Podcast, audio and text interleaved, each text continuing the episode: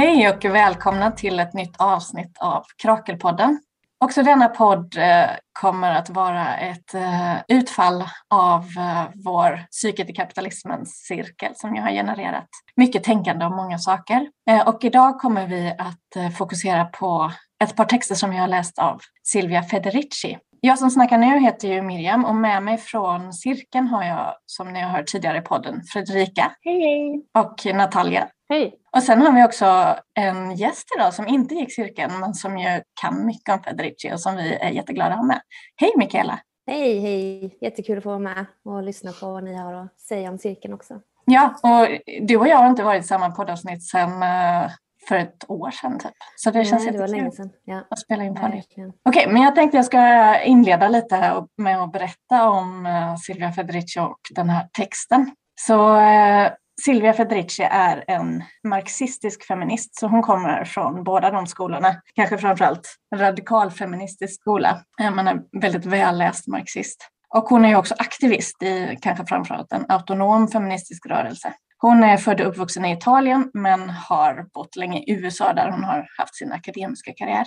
Eh, och hon är fortfarande aktiv. Hon har varit aktiv sedan 70-talet som akademiker och aktivist. Och först blev hon kanske känd för något som kallas för Wages for Housework-kampanjen, eh, där hennes fokus på det reproduktiva arbetets roll i kapitalismen startade. Vi kommer att prata en hel del om just vad det reproduktiva arbetet i kapitalismen är för någonting, vad den analysen bidrar med. Federicis kanske allra mest kända verk är Caliban and the Witch där hon kan man säga placerar häxjakterna i den tidiga kapitalismens historia som ett verktyg för att reglera familjen genom att reglera kvinnan och eh, mekanisera kroppen, vilket leder till mekaniseringen i kapitalismen. Men det är inte den vi har läst, utan en del av textsamlingen Re-enchanting the World eh, från 2018. Och eh, i det här avsnittet så kommer vi fokusera på reproduktivt arbete, på Federices teknikkritik och vad det skulle kunna innebära att söka kunskap på andra sätt än vad moderniteten uppmanar oss att göra, bortom rationaliteten. Och på vilka sätt det skulle kunna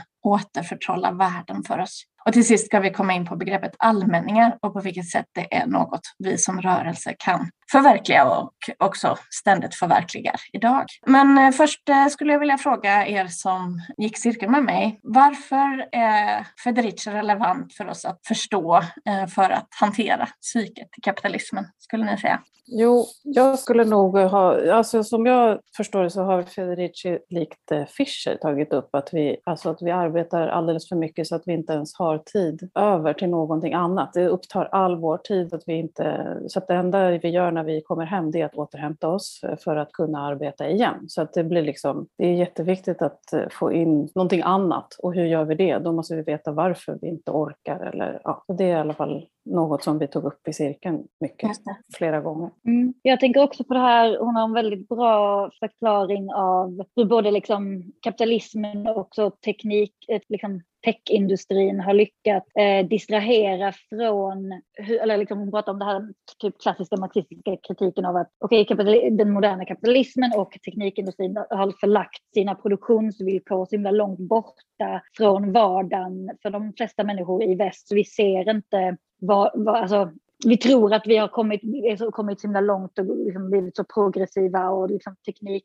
eh, tekniska utvecklingar kommer att göra oss så himla fria. Men vi ser inte hur mycket det egentligen kostar. Och så pratar hon om det materiella men också sen det här hon pratar om att vi också har tappat bort vår koppling till naturen och, och, och till det mystiska. Att sättet vi lever idag gör att vi liksom, vad hon kallar det, autonomi tror jag också att liksom, ja, men tappa koppling till något, lite en, en eh, X-factor av liksom vad det innebär att leva eller liksom att ja.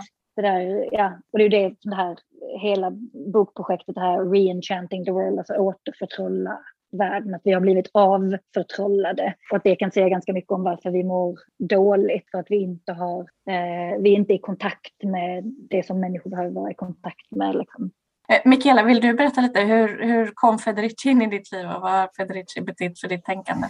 Ja, men mycket. Jag, jag hittade Federici via då Caliban and the Witch och började läsa om häxprocesserna. Och helt plötsligt så såg jag det i ett helt nytt ljus. Liksom. För hon placerade detta, som du var inne på, eh, i ett tidigt skede av kapitalismen. När man mekaniserade och rationaliserade världen. Så att det, det fick en helt ny innebörd för mig. Och sen har jag bara fortsatt och fortsatt läsa allt Federici har släppt. Jag tycker hon ofta kommer med väldigt välbehövlig och intressant kritik och vågar liksom vrida och vända lite på de eh, kan man säga, det vi redan vet om marxismen vågar hon också ifrågasätta och, och utveckla och sådär. Så eh, hon har betytt jättemycket för mig och jag kommer fortsätta läsa Federici. Jag tänker också att det finns någonting eh, hoppfullt i, i Federicis äh, tänkande som attraherar mig. Någonting som man kan göra här och nu som blir meningsfullt och gör aktivism meningsfull här och nu äh, och där man inte behöver tänka sig helt andra modeller för liksom någon slags globalt styrande av världen som ett sätt att ta sig bort från eh, klimatkatastrofer eller så. Utan det finns eh, saker som vi kan göra och det här fokuset på vardagen och de sociala relationerna och mm. omsorgen. Mm. Hon är mycket mer inne på kommunalismen, alltså det här med små decentraliserade styren och så i liksom någon mer anarkistisk tradition. Vilket ju är jätteinspirerande. Och nästan alla hennes böcker handlar om det på något sätt. Hur vi, liksom, eh, som du säger precis, här och nu i våra egna lokalområden faktiskt kan närma oss varandra, närma oss oss själva. Så jag håller med, hon är verkligen hoppfull i det. Det ska vi absolut eh, komma tillbaka till, vad, mm. det, vad det är och vad det kan innebära. Men jag tänkte vi skulle börja med det här begreppet reproduktivt eh, arbete.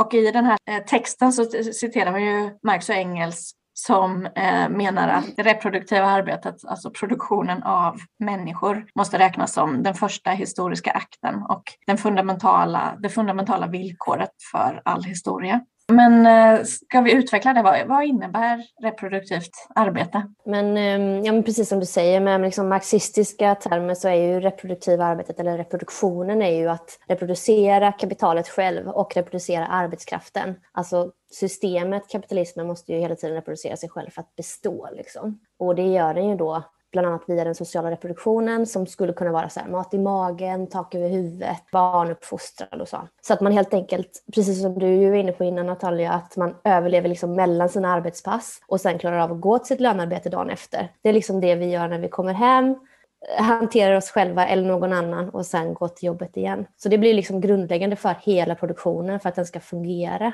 Och det är ju Federicis, en av liksom hennes största bidrag, att hon liksom har faktiskt intresserat sig för hur går det här till? Varför är det grundläggande och viktigt? Alltså, hon har gjort det, men det finns ju jättemånga andra som ägnar sig åt det. Nancy Fraser, Lisa Vogel och så vidare. För Marx skriver ju om reproduktionen, men han går inte in någonting i så här hur och varför eller ja, så. Utan det är ju nu senare liksom feministiska marxister som kommer och liksom verkligen intresserar sig för den här reproduktionen. Och där pratar Federici både om kvinnan som eh, mamma, maka, alltså hon som har hand om hemarbete och sådär. Men hon eh, pratar ju också jättemycket om prostitution i många av hennes böcker eh, och menar liksom att den typen av service då fyller liksom samma funktion, den reproducerade arbetskraften fast kanske snarare emotionellt eller sexuellt. Och det här var ju, alltså reproduktionen och det reproduktiva arbetet har ju inte sett likadant ut i hela kapitalismens historia utan de här, den här väldigt strikta könsarbetsdelningen kan man väl säga snarare kom till slutet 1800-tal, mitten, slutet någon gång. Så där kan man väl också cut some slack till Marx, till Marx liksom, för att han, det såg inte ut på samma sätt då som det gör idag. Eh, eller som det gjorde ens för 70 år sedan. Men att, att ha den här liksom, strikta könsarbetsdelningen var ju liksom ett sätt att få mer stabilitet för kapitalet. För då kunde de ha någon som lönarbetade. Eh, lönerna höjdes ju också under den här perioden så man kunde försörja liksom en hel familj på en, en, en lön, en manslön. Sen så skulle kvinnan då mer reproducera arbetskraften, eh, barn och man. Så att det reproduktiva arbetet, oavlönat generellt, krävs för att det avlönade lönearbetet eller produktionen ska fungera. Så kan man väl säga. Mm. Men också ofta är det helt osynligt. Exakt. Precis och tas för givet. Det är, det är också så där att eh, vi säger nutid så är det ju liksom att fortfarande, om, om vi pratar Sverige absolut så, pratar, så jobbar vi väl kanske eh, de flesta tjejer, liksom tjejer och kvinnor också. Så där, men eh, generellt så är, fortsätter ju det här, eh, den här uppstyrda liksom, hemarbetet versus lönearbetet är uppdelat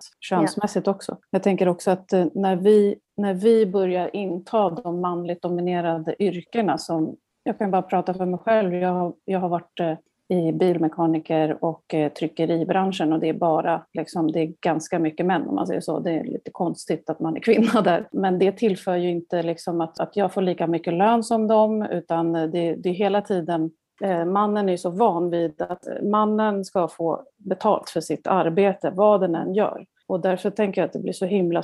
Det tar lång tid för jämställdheten, om vi pratar om den, att, att komma till bukt eftersom liksom hemarbetet, det, det betalar sig inte. Och ska de göra det så behöver de liksom få ett, beröm eller jag vet inte vad, alltså bekräftelse hela tiden eller pengar. Alltså att eh, då är man inte, lagar mat hemma, nej, men man blir kock. Alltså det är liksom, mm. ja, det, det, är mycket sådana grejer som gör och att det då också speglar sig i den här nya liksom, vågen av utmattningssyndrom som, som, och symptom som händer och oftast, och den är ju generellt högre bland kvinnor än män för att man dubbelarbetar så himla mycket. Liksom. Mm, ja, det är så sant det du säger. Och Federici pekar också ut hur det eh, finns en kris för det reproduktiva arbetet i hela världen på det viset att eh, välfärdsstaten nedmonteras samtidigt som kraven på arbetskraften höjs. Så den privata sfär som fanns där innan välfärdsstaten och ta hand om de reproduktiva sysslorna, eh, den är utarmad samtidigt som välfärdsstatens omsorgstjänster utarmas. Sen säger hon också, vilket vi väl kommer tillbaka till, att vi försöker ersätta det här omsorgsarbetet då med teknologi på olika sätt, vilket ytterligare utarmar vad omsorg och sociala relationer skulle kunna vara. Och sen så vill jag också slänga in, hon har ju också en kritik mot den feministiska rörelsen som ju också andra, eh, som Nancy Fraser till exempel, som du nämnde Mikaela, har. Som handlar om att den feministiska rörelsen har kommit att fokusera allt för mycket på den offentliga sfären, på arbetslivet, mm. på att uppnå de eh, sfärer eller positioner som män har i det nyliberala samhället istället för att fokusera på det reproduktiva arbetets eh, centralitet för våra liv. Hon, hon pratar mycket om vardagslivet som utgångspunkt mm. för den politiska kampen och det, det, tycker jag är väldigt fint och på något vis väldigt sant och det är det som kan ta oss bortom det här att bara se på liksom lönearbetet som grunden för kapitalismen. Men den feministiska rörelsen har liksom kanske på många sätt börjat där men förflyttat sig därifrån och hon vill styra tillbaka. Ja, jag håller verkligen med och jag tänker också det är det hon är inne på som ni säger här att, att börja fokusera mer på det reproduktiva arbetet som något slags eh, levande snarare. För om man är pessimistisk skulle man väl kunna hävda att i det kapitalistiska systemet kommer vi liksom aldrig uppnå eh, jämställt arbetsliv eller så, utan det är så i sin natur uppdelat att kvinnans liksom liv och kropp är en service. Kvinnodominerade yrken fortfarande vård, skola, omsorg. Och sen så som du var inne på Natalia så går hon hem och så ska hon fortfarande reproducera. Liksom. Så att eh, ja, det är många lager i detta. Ja, jag tycker det är så um, intressant också hur hon tar upp delvis hur när kvinnor har kommit ut i stora mängder på arbetsmarknaden, det är också samtidigt som arbetsmarknaden har förlorat flera av sina förmåner och alltså förlorat den tryggheten som en, ett lönearbete hade för kanske 50 år sedan. Liksom. Och att det var väldigt talande för mig i alla fall att det är så här, ah, okej, okay, så liksom kapitalismen säljer in drömmen om att men alla ska jobba nu, vi ska vara jämställda. Mm. Eh, men sen så finns det liksom inga, eh, och hon skriver då Eh, utifrån ett amerikanskt perspektiv också där just den här idén om benefits är så himla viktig. För det handlar om sjukförsäkring och om den liksom nästan icke befintliga så här, föräldraledigheter och sådana grejer som ja, bara håller på att försvinna helt och, och verkligen också har att göra så himla mycket med den här krisen i det reproduktiva. Och jag tycker att hon också på ett intressant sätt visar hur, vilket jag tänker på det ni precis har sagt om kritiken kring viss liksom, feminism som, alltså just det här att det blir ett individuellt projekt hela tiden och att det blir ett individuellt projekt för vissa då, mm, ja, vita medelklasskvinnor att lyckas på en arbetsmarknad och ha ett individuellt good life eller liksom ett, ett, ett, eh, idealistiskt liv. Och sättet man löser det där vardagliga då är att anlita någon från en lägre samhällsklass eller någon som inte har privilegium och liksom då, vem är det som tar hand om det där vardagslivet? Jo, det är papperslösa kvinnor eller liksom andra. Och att det känns som att ja, vi måste komma bort från det. Alltså jag faktiskt när jag bodde i New York och gjorde min master så jobbade jag extra som nanny. Och i, um, i USA är det ju liksom en hel nannyindustrin är ju väldigt väl etablerad där eftersom att det typ inte finns dagis eller så här förskola på samma sätt. Och det var så mm. bisarrt, det var i Brooklyn Heights som är så ett ganska eh, rikt område i Brooklyn och liksom jag var typ en av de få vita liksom, de få som liksom läste som vit. Det var helt sjukt hur ofta jag antog, antogs vara en förälder liksom, i jämförelse med de här rasifierade kvinnorna som var, som var liksom de huvudsakliga liksom, omhändertagarna i det sammanhanget. Och det var också en sån bara knäpp inblick också i hur för många av de här andra familjerna där liksom det är personer då, som nannysen som, som spenderar nästan kanske mest tid med de här barnen. Men ibland kunde man också liksom se i barnens relation till dem att de inte riktigt respekterade dem för att liksom på en så himla tidig nivå bara, eller det måste vara så konstigt att växa upp i det också, bara så på en tidig nivå veta att okej, okay, min primära den som jag spenderar mest tid med, mina liksom, blodsföräldrar typ uppskattar inte den här personen. Och det är någonting, alltså jag tänker att det är någonting väldigt i det där vardag, för, inte förakt, men liksom, och idéer om vad, vad det innebär att vad mänskligt värde är, vad det innebär, jämlikhet, sånt liksom etableras så himla tidigt och därför är det så himla viktigt att ja, men ta de här grejerna på allvar. För jag tror att man kan verkligen påverka och det, det kan bli så himla skevt på ett väldigt bisarrt sätt. Och jag tänker att vi ska prata mer om det sen också med det här med allmänningen och liksom vad, hur vi, mm. det kollektiva, men liksom ja, bara en, en sån grej av många liksom. Mm. Ja, men jag tänkte precis det som du pratade om, det där med att eh, så fort vi, det reproduktiva arbetet ska, ska göras av andra än kvinnor så tar man direkt in, liksom, då ska det bli någon annan som gör det än männen. Eller om man nu lever i ett heteronormativt förhållande. Så då ska det helt plötsligt skapas ett yrke där någon annan ska städa och någon annan ska liksom passa ens barn. Och, och liksom vad blir kvar? Vad är, vad är det liksom att vara människa och livet i sig? Alltså vad, vad, vad håller vi på med? Vad är, det vi, vad är det vi ska då spara tid till? Eller vad, ja, många kommer tycka att det är jättekonstigt vad man pratar om, att det är bara, ja, men det är väl klart, jag får göra som jag vill. Ja, men det blir så otroligt individualistiskt och eh, inte på något sätt jämlikt och man tänker bara på sig själv helt enkelt. Det, det blir, ja. Hon, hon, eh, skriver om att det finns en, eh, en strävan i samhället efter the good life men inte efter the common good, alltså de här individuella mm. projekten som i och för sig då kan använda sig av liksom omsorg och närhet till naturen och mm. så, men bara som individuella projekt. Men eh, när du pratar Fredrika så kommer jag att tänka på en fundering jag har och kanske en kritik jag har som jag skulle vara intresserad av vad ni tänker kring. För att egentligen så den analysen som du gjorde där, liksom den intersektionella analysen, den gör mm. ju egentligen inte riktigt hon.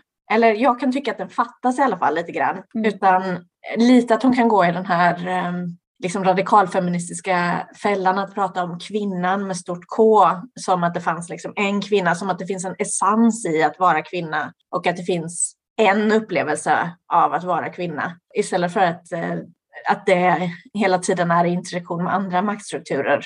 Inte minst kanske rasism, men också eh, förstås eh, cis-normer och så. Men, och samtidigt så är hon ju jättebra på att uppmärksamma eh, röster, rörelser och postkoloniala berättelser från andra än liksom, vita medelklasskvinnor.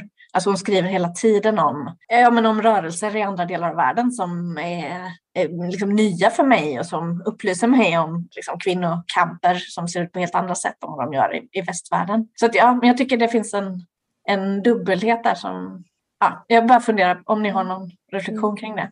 Alltså jag, jag håller med dig. Ibland så lämnar, mm, lämnas man väl lite att önska liksom när man läser Federici, kanske framför allt det du är inne på med, med cis-norm och så. Men precis som du säger så kommer hon också med så mycket andra nya perspektiv och röster som inte får höra. Så, så det är liksom, ja, hon är inte eh, fulländad liksom, men eh, tillräcklig skulle jag säga. Men absolut, det, det finns vissa saker som saknas ibland. Mm. Jag tänker lite att det är nästan en del av hennes språk, eller för mig känns hon, hon, känner, hon har ju varit aktiv också sen, vad var det, 70-talet du sa? Alltså, mm det känns som att hon har också lite mer den stilen av så 70-talsfeminister och lite mer liksom, övergripande aktivistisk jargong. Men som, som ja, man kan kritisera vissa delar men samtidigt kan det också vara lite härligt med lite, lite det så här okej okay, men alla nu är det så här. Alltså det, det finns något ja, retoriskt i det också tänker jag. Mm. Ja, hon fastnar ju inte eh, i, i Krökelpoddens förra avsnitt så kritiserade jag och Annika lite så en poststrukturalistisk teori som ju hela tiden, eller aldrig ger utrymme för en verklighet eller en, en sanning eller så. Och där är hon ju inte. Men jag tänker man kan ändå, eller liksom att det finns något i att um, komma ihåg att omsorg och reproduktivt arbete ju görs av en mängd olika människor och är förknippad mm. med feminin, eller jag skulle uttrycka det som att det är förknippad med femininitet, kanske snarare än kvinnan, eller jag är bara mer bekväm med att uttrycka mm. mig så, så att man liksom inte essentialiserar att det finns liksom en kvinna. Ah, ja. ja, men jag tänkte, jag har kommit in på det lite grann, men jag tänkte, vill gärna utveckla det här med teknik, hennes teknikkritik eller teknikskepsis Eh, som ju också varit ett tema som har återkommit för oss i den här podden och som ju är extremt relevant för oss i den här samtiden. Men hon eh, pratar om, eller problematiserar den här mekaniseringen av kroppen och världen. Skulle någon vilja utveckla vad hon menar där? Jag kan utveckla det lite grann eh, om man gör det utifrån häxprocesserna, för det är ganska tacksamt. Ehm, om man tittar på vilka det var de gav sig på i häxprocesserna så var det ofta änkor, ogifta och prostituerade. Alltså det handlade om kvinnans reproduktion eller reproduktion av arbetskraft. Och så reglerade man henne in i kärnfamiljeäktenskap som ju du sa i början Miriam. Men liksom värt att påpeka då, om man tänker på mekaniseringen och detta poddavsnittet, är att man också gav sig på människor som hade väldigt djupa kunskaper om naturen. Alltså inom folkmedicin, örtmedicin, eh, jordmödrar som de kallades, som var liksom den tidens typ barnmorskor. Men också gav man sig på olika människor som ägnade sig åt saker med magiska inslag. Alltså animism till exempel, schamaner och så. Så att det handlade ju också om en total liksom, rationalisering av världen och mekanisering av världen. Och det här skedde ju i samband med den vetenskapliga revolutionen under 1600-talet i väst. Och det var ju under den här revolutionen som vi fick liksom en mer skarp uppdelning då mellan människan och naturen, mellan levande och död materia. Vi fick en subjekt-objekt-dualism, alltså att människan blev liksom någon slags handlande subjekt och naturen sågs som en död maskin eller någonting dött att exploatera. Det var också i den här tidsperioden som vi började odla framstegstankar. Vi såg eh, tiden som mycket mer linjär. Och sen då implementerade man helt enkelt den här mer mekaniserade och positivistiska världsbilden. Alltså någonting man kan mäta, väga, så väldigt rationellt. Liksom. Och sen så i samband med detta då så kopplade man ju såklart också samman kvinnan då med den här eh, okontrollerbara naturen. Och så fick hon stå liksom för det medan manlighet eller vithet och så blev liksom förnuft och framsteg. Och så så att den mekaniseringen var ju verkligen ett led i den vetenskapliga revolutionen och lever ju verkligen kvar idag i hur vi ser på, ja, men som ni säkert pratar om i cirkeln också, friskt och sjukt, normalt, onormalt, människa, djur, mm. civiliserad, ociviliserad. Och tänker jag också ligger till grund för en jättestor del i hur vi inte klarar av att hantera klimatkrisen, liksom, för att vi ser fortfarande mm. naturen mm. som någonting som vi kan och bör kontrollera snarare än att se den som en del i en helhet där vi, vi och naturen är liksom båda lika levande. Säga. Eh, den här eh, moderniteten är viktigt i större sammanhang och ja, men hon är helt enkelt kritisk mot många aspekter av moderniteten. Inte minst kanske den här Eh, teknologicentreringen eller centreringen av teknologin i vår verklighet som hon ju menar har fört oss eh, så långt bort från eh, jorden att vi totalt håller på att förstöra den. Mm. Och hon pekar också ut sånt som att datoriseringen har inneburit en ökad militarisering, en ökad mm. övervakning. Alltså den har spelat kapitalismen i händerna på många olika sätt samtidigt som ja, det finns ett löfte som ju också Marx trodde på att teknologi skulle innebära att eh, det blev allt mer resurser som vi människor kunde leva av istället för att behöva arbeta. Men i själva verket så arbetar vi hårdare och mer än någonsin så det löftet har liksom inte infriats. Så den här, ja, hon är otroligt skeptisk och liksom menar att, att teknologi bara för oss bort från varandra, från oss själva, från våra kroppar, från naturen. Och att de löften som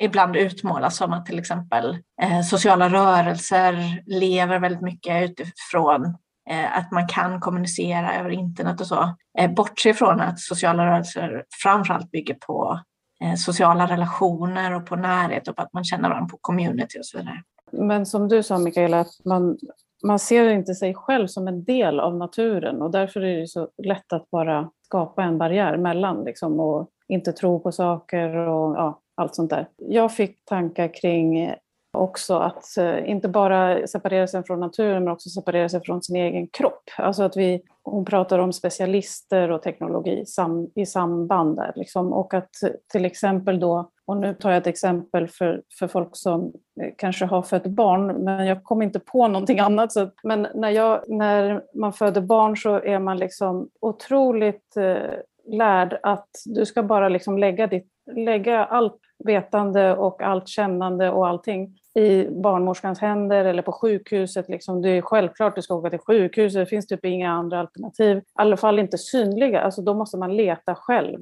Och att du, du har maskiner där som berättar hur det går istället för att då vända dig inåt och känna liksom allting. Och eh, det, alltså det tycker jag är en stor liksom, negativ grej på människans liksom hela varelse. Alltså kroppen är gjord för att göra vissa saker om man nu vill det. Så att, att föda barn borde inte vara så komplicerat som sjukhusen då framställer det som, att det nästan är typ man är döende fast man kommer in där och ska... Den tyckte jag var så himla tydlig på hur man kan separeras från sin egen kropp. Det är ju ändå den som gör någonting och sen så helt plötsligt ligger du där och, och får all bara, jag vet ingenting, jag gör som ni säger och oj, oj, jag ska göra det nu och det sen och det blev dåligt och jag vet inte. Och allting ska man liksom bara gå med på på något sätt. Ja, exakt som du säger, att man är liksom dels alienerad från sig själv eller sin egen kropp och sen eh, så som kapitalismen fungerar ju så är vi också alienerade i själva produktionen också av, eh, av varor. Eh, det jag tänker på spontant är ju den liksom, eh, våg av folk nu som flyttar ut till landet och börjar odla mm. mat själv och så för att slippa vara alienerad från den mat de äter. En tomat odlad i, i Spanien som fraktas till någon annanstans som kommer till Sverige och sen ska vi äta den. Det finns så mm. många steg där som försvinner som också är helt ologiskt liksom och eh, vore mycket mer rimligt att vi har kontakt med. Så det är väl det också Federici är mycket på att eh, få bort den liksom, alienationen såklart. Eh, men en annan sak jag tänkte på när du, när du pratade Miriam var ju att jag tycker det är så intressant det här med Federicis teknikskepsis. Liksom, för den, eller så som jag kan känna, jag är inte teknikfientlig, men jag förstår verkligen Federicis argument. Liksom, för att det hon underkänner är ju hela den, eh, i alla fall delar av, eller stora delar av marxistiska premissen att om vi utvecklar produktivkrafterna under kapitalismen så är det det som kommer liksom göra att vi kan lägga grunden för att införa socialism och sen kommunism. Vi behöver mm. utveckla mm. samhället och tack vare att vi har gjort, alltså utveckla, nu gör jag quotation mm. marks. Vi behöver utveckla sam samhället eh, och tack vare att vi gör det, då kommer vi kunna lägga grunden för den här fantastiska socialismen sen när vi har all den här mm. tekniken och alla de här framstegen. Det folk missar då, eller de teoretikerna missar är ju såklart att den här, den här utvecklingen eller de här framstegen har ju skett på bekostnad av någon. Den sker någon annanstans. Den, det är ju liksom, det är en exploatering av naturresurser och människor. Att mm och jag tycker det är så cynisk liksom, eh, samhällssyn att ha den liksom, ja, ja, men nu har vi i alla fall lagt grunden för att kunna införa socialism här. Eh, för nu har vi all den här tekniken och automatisering av arbete och jada jada. Och precis som du sa Miriam, att vi har automatiserat vissa saker eller har mer teknik har inte alls inneburit att vi jobbar mindre eller att vi på något sätt har frigjort oss från lönearbete, liksom tvärtom. Mm. Så där kan man ju också underkänna teknikutvecklingen återigen, quotation marks, som någon slags eh, frigörande potential. Liksom. Eh, utan där handlar det om att i så fall behöver ju folket äga produktionsmedlen och tekniken som ju är det, eh, mm. för att vi ska kunna använda det till en fördel. Men vi måste ju också då titta på okay, hur utvecklas och produceras den här tekniken? Den görs ju, den exploaterar ju globala syd liksom, genom att ja. Det är en sån stor helhet som jag tycker verkligen Federici eh, få med i den liksom kritiken av ja, någon slags framstegstanke i marxismen. Mm. Ja, jag, tycker, jag tycker hon säger det så bra också, för det är så här, hon säger att hon tror att teknologin har um, förfört oss så mycket för att fem sekel av kapitalism har gjort oss så impoverished. Vi är så utarmade så vi blir förförda liksom, av vad tekniken kan ge oss. Och det är ju, nu Mikaela och eh, Miriam pratar ni om liksom den här marxistiska liksom, idén om att oh, vi ska utveckla de här grejerna. Men det är ju hela den logiken som Silicon Valley opererar på också. Alltså alla så den moderna liksom, startup-världen och liksom, nya liksom, innovationer. Det, finns väldigt mycket ideologi där kring att vi ska förändra världen och vi ska rädda, vi ska göra det mycket bättre för alla. Och jag menar, typ Mark Zuckerberg, han har ju lyckats liksom monopolisera informationsflödet i hela världen och säger fortfarande att han bara vill göra världen a better place. Och liksom, är så himla, han är bara så snäll och nu ska det vara meta. Alltså, liksom, det, det, det, liksom den logiken. Mm. Jag tycker det är intressant eh, för att nu är vi liksom ett sånt läge med de här stora techmiljardärerna, typ som ja, men, eh, Jeff Bezos kanske främst och Elon Musk, deras jävla eh, rymdrace eh, och så. Och att typ liksom, det, det är Alltså det känns som att de, men nu är det ganska tydligt att de flesta vet så att Jeff Bezos, liksom, ja han betalar inte sina anställda och det är därför han tjänar så jävla mycket pengar. Och alltså, jag vet, det känns som att det är någonting, i alla fall liksom vissa av de eh, internetflöden jag är del av så verkar det ändå liksom som att folk bara, nej det är inte rimligt att vi ska ha några miljardärer som får åka till rymden medan miljontals andra människor liksom inte har mat över huvudet. Alltså, så det, jag vet jag är liksom nyfiken på hur det kommer mm. utvecklas. Det känns som att vi ändå är i någon slags liksom, lite bredare teknikskepsis också. Och, för hon nämner ju det, lite det Arab Spring där 2011 och det känns som att det var så här lite peak den här idén om att oh, det sociala medier ska skapa revolution och sånt. För då, då var det så himla mycket att man tänkte att det var Facebook och Twitters förtjänst att folk hade liksom, eh, ja, slagit sig samman i de här, eh, ja, men, i Tunisien och Egypten och eh, överallt. Men nu känns det som att de flesta vet, liksom, eller det finns någon slags så här, ja men det är bara typ fyra stycken, fem stycken företag som har all information om oss och liksom vi mår, blir, det blir inte bättre av det här. Så jag vet inte, jag, jag vet inte om Federici kanske då kan erbjuda en, ett alternativ till det och hur vi kan gå vidare liksom, eller ta tillbaka means of production av de här jävla techjättarna. Jag såg på eh, Don't Look Up igår. Och, eh, ja, men, den här techmiljardären där tyckte jag var mm, en av de obehagligaste karaktärerna mm. som jag har sett film.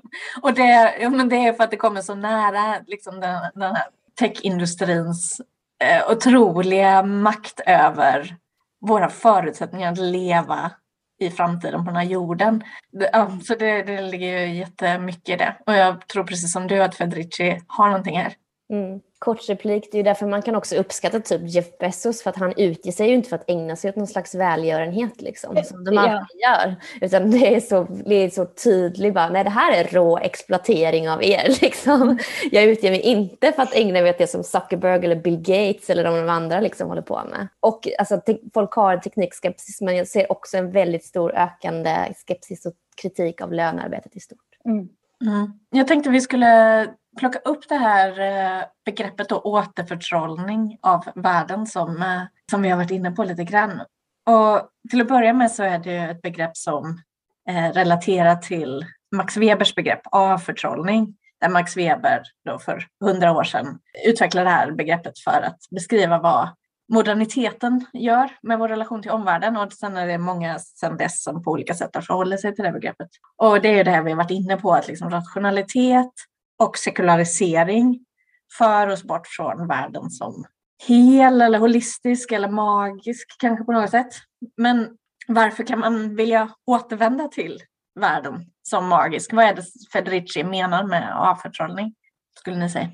Jag tänker att hon tar upp mycket om att eh, om vi liksom blir helt kapade från att vi tillhör då naturen, att vi till, alltså att vi, om vi liksom bara håller på och jobbar i vår teknikbubbla, det hör ju till det förra ämnet, liksom, att, att vi inte då kan hämta liksom, kraft i naturen och att eh, vad jag läste in var väl att sannolikheten finns att vi liksom fördummas av att att vi förlitar oss på massa saker istället för och att, och att det logiska liksom är hela tiden det primära och det som är som viktigast. Att det ska vara logiskt och rationellt och allt sånt där istället för att, att eh, känna liksom att man tillhör en plats, liksom. Man tillhör en grupp, man tillhör liksom allt det här. Och att ta del av naturen på ett annat sätt och att det skulle då göra en mera magiskt liv på något sätt.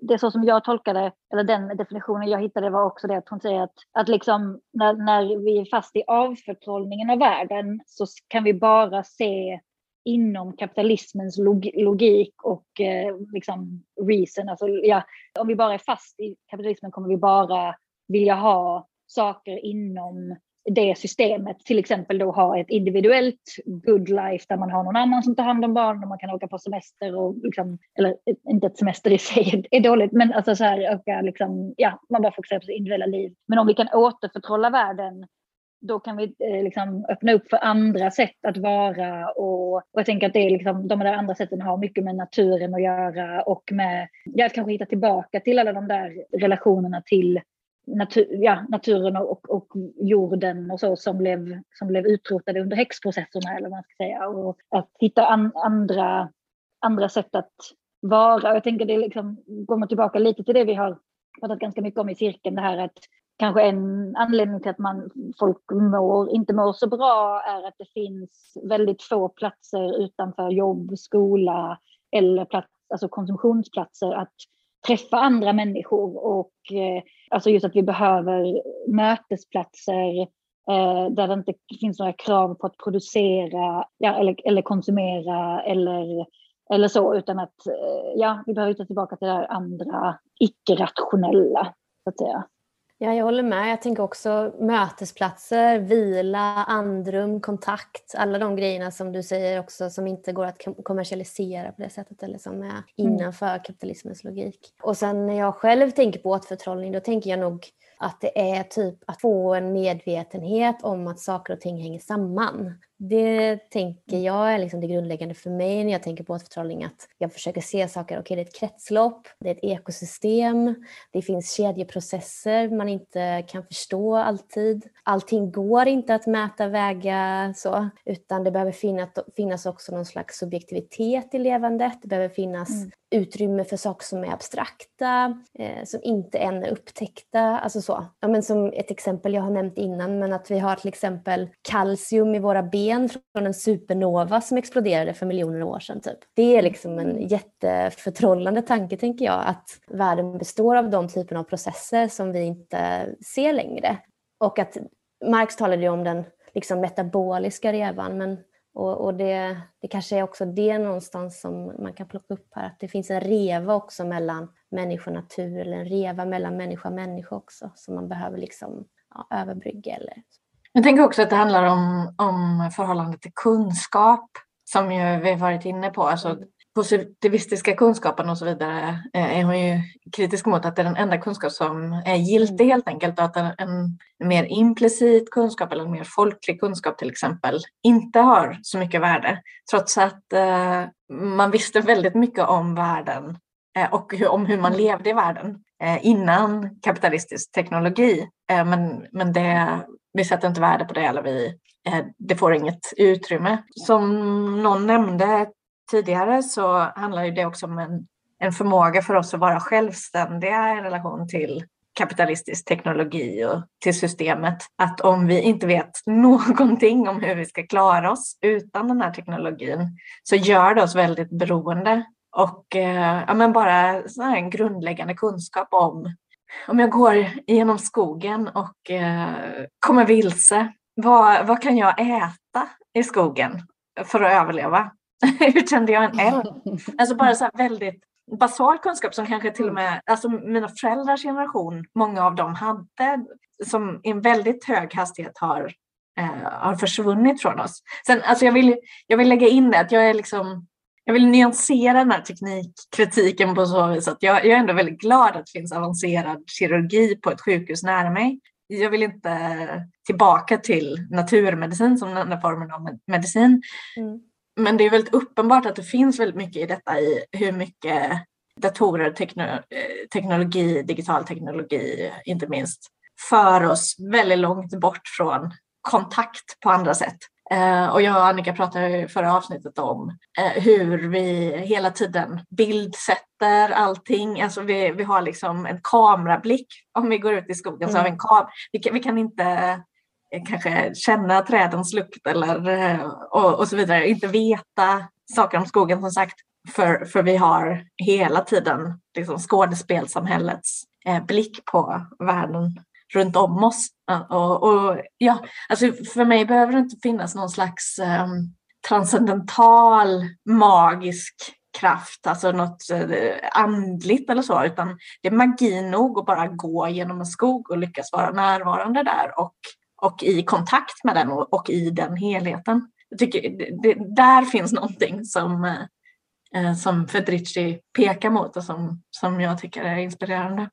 Jag tycker det är intressant att du, att du vill ursäkta dig eh, med att inte vara teknikkritisk, alltså liksom, du är inte antiteknik, därför att ingenting är ju svartvitt, liksom, och, eller skulle jag vilja säga, och att eh, och att vara för att det finns teknik som för oss framåt, som hjälper oss liksom att överleva några extra år eller whatever. Liksom. Det finns ju ingenting som säger att det inte skulle kunna finnas, men det har, allting har ju kapats av kapitalismen som gör att vi kan inte bara ha de här bra grejerna, utan vi måste också pumpa in tusen dåliga grejer som ska bero, alltså göra beroendeframkallande beteenden och, liksom, och, och det här får ju oss att, att komma längre och längre ifrån oss själva. Liksom. Vi har inte tid ens att, att känna efter, att reflektera, att gå de här skogspromenaderna. Då måste, liksom, eh, då måste man först vila på lördagen för att orka ens gå ut på söndagen liksom, på en promenad för att, eh, ja, för att man har jobbat hela veckan. Jag tänker att, eh, att, att det till och med att våra tankar är liksom helt kapade av, av kapitalismen så att vi inte ens tänker utanför, alltså vad skulle det vara utan det här? Vad skulle det, vad, vad skulle betyda någonting för mig? För att allting vägs ju på en skål via kapitalismen eftersom det är den världen man lever i. Alltså, ju äldre jag blir, så desto större blir behovet att lyssna på mitt autonoma jag. Liksom. Men det är jättesvårt för att det är eh, arbetsstress och eh, tidsbrist och, och liksom brus av teknik och allt möjligt. Men det, ja, jag tror att hon har väldigt mycket där som, som skulle hjälpa oss i alla fall att må bättre som människor. Mm, sant. Ja, nu när ni pratar så slår det mig också att eh, det, det, finns också liksom den här dualismen mellan liksom, eh, ande och kropp eller kött och tanke och så. Mm. Att det är ju också, tänker jag, en del av att återförtrolla sig själv kanske framför allt att få vet inte om ni någon gång har liksom genomgått typ traumaterapi eller traumabearbetning, men då handlar det jätteofta om liksom att eh, man kallar det för typ somatisk terapi, att man liksom kommer, ah, embodiment, alltså man, man kommer in i sin kropp igen, man kan tolka kroppsliga eh, intuitioner och det är väldigt så här, man lär sig mer sinnliga erfarenheter.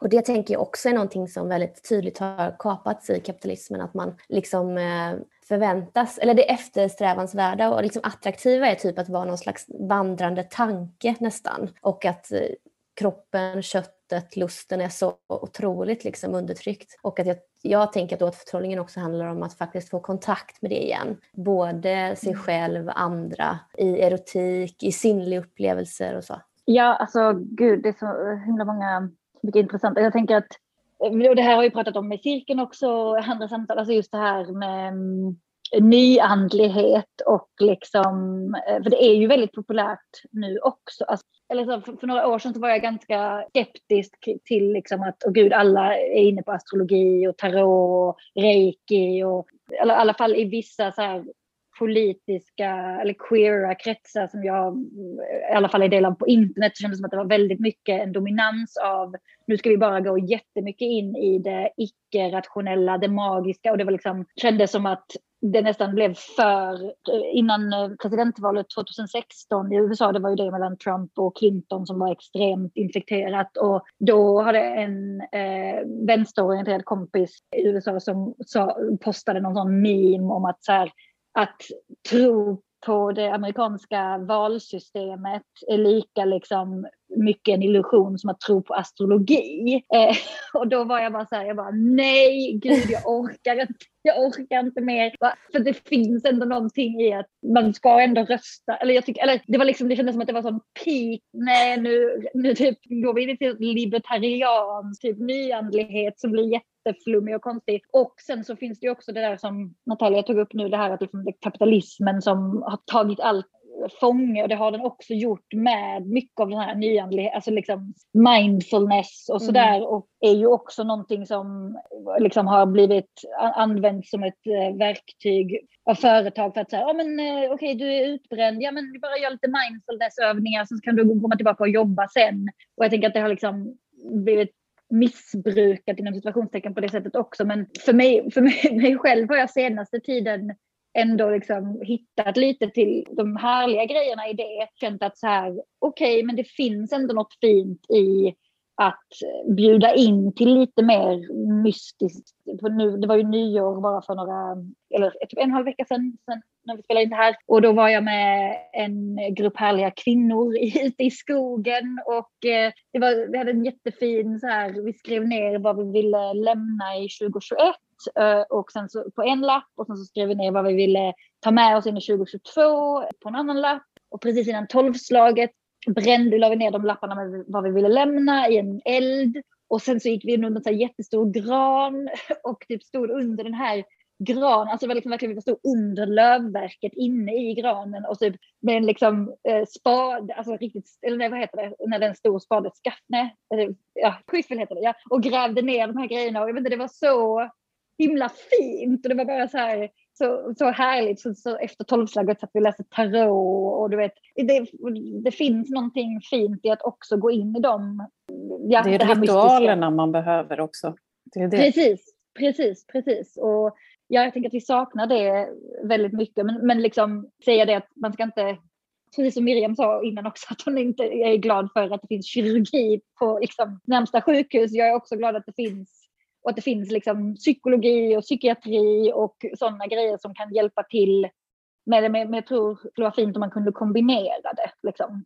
Med risk att vara så boring rational dude. jag, kan, jag, jag, kan ta den rollen. Yeah. eh, nej men jag vill inte riktigt vara det heller för att jag, för, jag förstår ju samtidigt eh, kraften i sådana upplevelser och jag tror också liksom, psykologiskt på betydelsen av symbolik, ritualer och gestaltning kanske för att eh, förflytta en inombords. Eh, men samtidigt så som marxist så vill jag liksom hänga kvar i det materiella och det tänker jag också att Federici gör. Alltså, det hon pratar om är ytterst materiellt på många sätt, alltså kroppen, jorden, mm. Skogen och också stjärnorna mer mm. som materiellt fenomen som till exempel man kan navigera efter för att de följer ett Eh, ett mönster än mm. snarare att de kan liksom tala om någonting transcendentalt för oss. För jag mm. tänker att risken med att liksom lägga en transcendental nivå där världen styrs av andra krafter än oss själva, det är ju att alltså det blir opolitiskt på det viset att det tar ifrån oss vår mm. subjektivitet eller politiska agens. Alltså vad är det då för vits att organisera sig politiskt och kämpa politiskt? För att, eh, då styrs ju ändå vårt Det är skrivet i stjärnorna. Exakt. Eh, men, men däremot så jag tänker att man kan använda Federici för att förstå liksom, behovet av den här nyandligheten och vad det är för större krafter som, som ligger bakom det. Och, ja, men jag önskar ibland att, ja, men att kanske den, den typen av vänster kunde vara lite bättre på att sortera mellan olika fenomen där. Så att man inte liksom ersätter eh, den politiska analysen eller, ja, eller den psykologiska analysen med eh, transcendentala värden eller vad man ska säga. Ja, eh, sorry. Nej, det var jättebra. jättebra. Ja, det ni säger är jätteintressant. Jag tänker att det kanske går att kombinera ändå de här två synerna också. Den rent materiella politiska analysen av det och eh, behovet av spiritualitet eller andlighet eller så. Jag ser inte att de eh, slår ut varandra heller utan man kanske kan hitta en samexistens för dem. För jag tror precis som du sa också Natalia, det är dels ritualerna man vill åt men eh, kanske också bara ett sätt att reflektera och titta inåt mm. och få kontakt med andra. Mm, jag har också så här, lite typ intresse för tarot och månen och allt vad det är. Mm. Och för mig är det nog mer ett sätt att öppna upp tanken eller kunna reflektera på ett nytt sätt eller kunna samtala med andra om det man ser framför sig. Alltså det blir mer mm. en, en gemenskapsgrej eller en någon slags eh, närvarogrej snarare än att det blir en eh, alltid en eh, transcendental upplevelse. Eller så. Mm. så jag, jag tänker att de här går, går ganska väl att kombinera. Men som ni var inne på också, med risken då ju att det helt exploateras och kommersialiseras, vilket vi ju ser att det är jättemånga företag som nu ja. har plockat upp det här och förstår att ah, här finns en hel målgrupp som älskar astrologi, så nu marknadsför de liksom smycken, kläder, mm. skor utifrån ens vad heter det, stjärntecken och så. Liksom. Mm. Så att, eh, man får ju också hålla hela tiden det kritiska ögat eh, skarpt. Man kan till och med vara, abonnera på så kristaller så man får några kristaller varje månad. Ja, och det är ju helt eh, ja. absurt liksom. Ja, ja men jag tänker att det här, det här temat med nyandlighet, det, ja, men jag hoppas att vi kommer utforska mm. det vidare framöver, för jag tänker att det säger oss mycket om vår samtid. Men jag skulle också vilja att vi hann med det här temat, begreppet commons eller allmänningar som det ofta översätts på svenska. Federici är ju inte ensam om att använda det begreppet. Det, det, finns ju också andra teoretiker som gör det, men hon gör ju det på ett väldigt fint sätt i förhållande till politisk aktivism. Det är liksom, I hennes uh, teori så är allmänningar både mål och instrument för vår politiska kamp. Och vad hon menar med, med commons då är det sociala relationer och rum som bygger på solidaritet, som bygger på gemensam delning av resurser, gemensam delning av arbete, ansvar och men också beslut, alltså demokratiska relationer på olika sätt. Och det är också ett medel på det viset att det skapar strukturer som är så som vi skulle vilja att sociala relationer var och som också ger oss perspektiv på hur världen skulle kunna organiseras annorlunda. Ja, så det var vad jag plockade upp. Vad har ni plockat upp kring det här begreppet? Jag tänker som du att det är liksom dels det är platser och rörelser och sätt som vi eh, utformar små delar av samhället så som vi skulle vilja att de såg ut. Alltså det är också en form av dubbelmakt liksom, i att man kan skapa någonting här och nu. Jag vet inte om ni har varit inne på det, men eh, man kan ju se det som hela Malmö då, att det också blir ju en allmänning i att man skapar hela politiska rum eller sociala rum där eh, människor får tillgång som inte har tillgång till andra rum. Eh, men sen så tänker jag också att allmänningar kan vara så enkla saker som saker som finns som inte riktigt ägs av någon, som vi kan ta kontroll över. För det är det vi i slutändan vill ju. Alltså folket vill ju få den här demokratiska kontrollen är vi inne på. Och en sådan allmänning som jag ser det är också Wikipedia, där jag ju hänger en del. Det är ju en typisk allmänning som mm. Eh, vi kan använda tillsammans liksom och kan ha som instrument. Mm.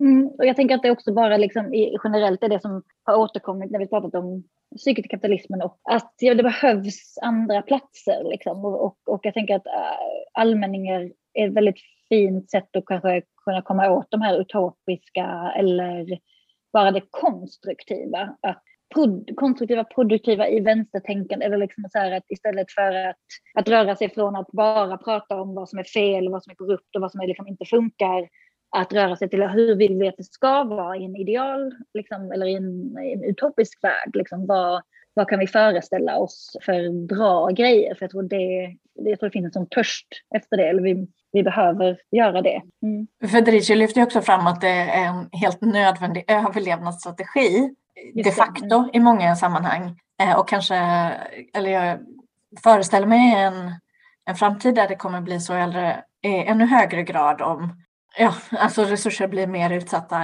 till följd av klimatkrisen och eh, staten blir kanske allt mer repressiv och allt mindre omhändertagande och så vidare. I och för sig så det finns inget hinder för att staten kan vara både repressiv och omhändertagande. Men då, det innebär ju också att vi behöver skapa strukturer utanför staten som, som kan ge omsorg. Och, så. och hon refererar ju mycket till delar av världen där, där det inte finns den typen av liksom institutionaliserad välfärd och omsorg till exempel och där man helt enkelt har behövt att skapa omsorg och reproduktivt arbete så, eller man gör det i, i kollektiv eh, och de kollektiven behöver då bygga på det här, solidaritet och demokrati och så. Nej, men, och jag, jag tänker bara väldigt konkret, alltså tänk att eh, i ett läge där Sverigedemokraterna får ett helt annat politiskt inflytande så kanske många verksamheter som vi nu tar för givna kommer i mycket högre grad att försvinna när det gäller ja, men sånt som eh, folkbildning och mm. socialt arbete och kultur och allt möjligt. Och då behöver vi ju då behöver vi tänka så som rörelse att vi ska inte bara kämpa mot det utan vi måste också, också skapa det och mm. skapa det tillsammans i allmänningar. Så, så för mig är det en konkret politisk strategi som inte är så himla avlägsen, men som är ovan får jag säga. Alltså, så har jag inte organiserat tidigare. Men eh, Mikaela, ja, du nämnde ju Hela Malmö som är en organisation här i stan som, som förenar både liksom folkbildning och eh, socialt arbete och plats och har liksom många delar av livet under samma tak. Och, ja, men det är ju ett inspirerande exempel som jag tänker, ja, men det, kan, det är nog mer så vi kommer behöva tänka. Mm. Ja, hela Malmö och även Allt åt alla tänker jag är ett givet exempel på några som jobbar med liksom allmänningar som en slags central tanke. Och som du säger, jag tänker att vi kanske ibland är ovana vid att jobba så eller um, organisera oss så. Men jag tror precis som du säger att det kommer vara helt nödvändigt. Det, blir, det hakar liksom Dels i tanken om ömsesidig hjälp. Eh, vi behöver hitta strukturer i klimatkrisen och i politiska kriser där vi kan liksom hjälpa varandra och för det behöver vi vara förberedda. Liksom. Vi ska ju börja nu inom Krakel och försöka tänka lite kring det här med prepping, alltså vi kallar det social och politisk prepping och det är ju precis det. Hur kan vi förbereda oss för det här? Och i grunden handlar det ju jättemycket om att skapa starka communities, alltså att mm. få starkare band i lokalområdena. Eh, för då kan man ta sig igenom det här och också proaktivt liksom bygga strukturer, idéer, samhällen som vi faktiskt vill ha.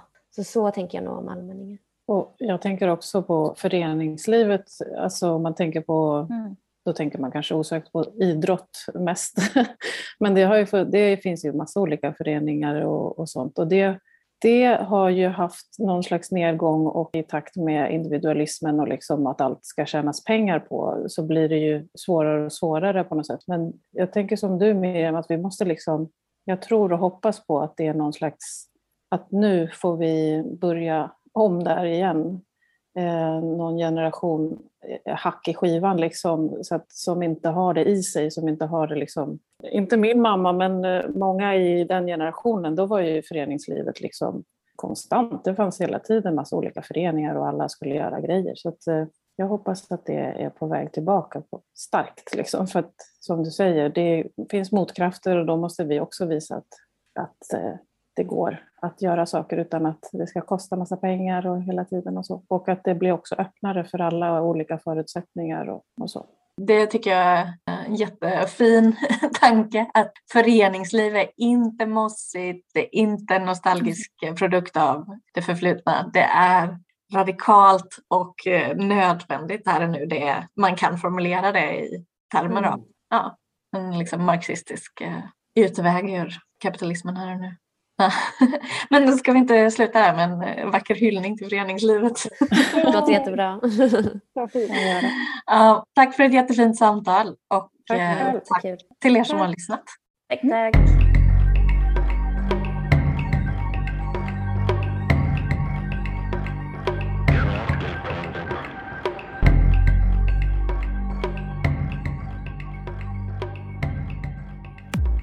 Du har lyssnat på en podcast som görs i samarbete med ABF Malmö.